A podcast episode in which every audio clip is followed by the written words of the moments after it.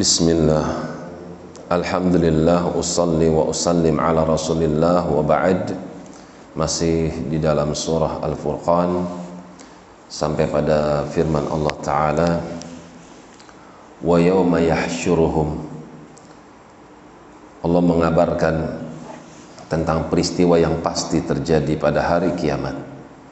Dan pada hari itu yahsyuruhum adalah hari di mana mereka semua dikumpulkan wa may ya'buduna min dunillah. Dan segala macam bentuk yang diibadati selain Allah.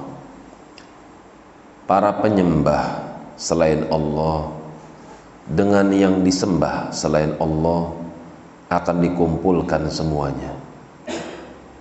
Fayaqulu maka sesuatu yang disembah selain Allah apakah dia malaikat apakah dia nabi seperti Isa alaihissalam atau orang saleh? Atau apa pun yang disembah selain Allah? Maka Allah berfirman kepada mereka a antum? Apakah kalian? Adlaltum ibadi. Sengaja membuat kesesatan di tengah hamba-hambaku. Haula mereka-mereka itu amhum dhallus sabil ataukah mereka yang telah keliru jalannya? Kalian yang mengajak atau mereka yang keliru jalannya?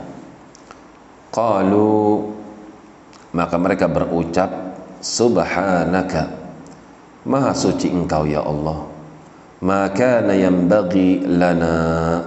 Tidak sepatutnya bagi kami an min dunika min awliya. Untuk mengambil penolong selain engkau ya Allah.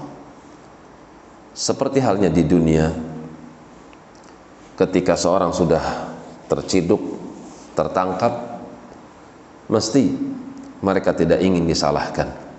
Padahal mereka cuma berurusan dengan manusia. Lantas bagaimana ketika mereka berurusan dengan Tuhannya?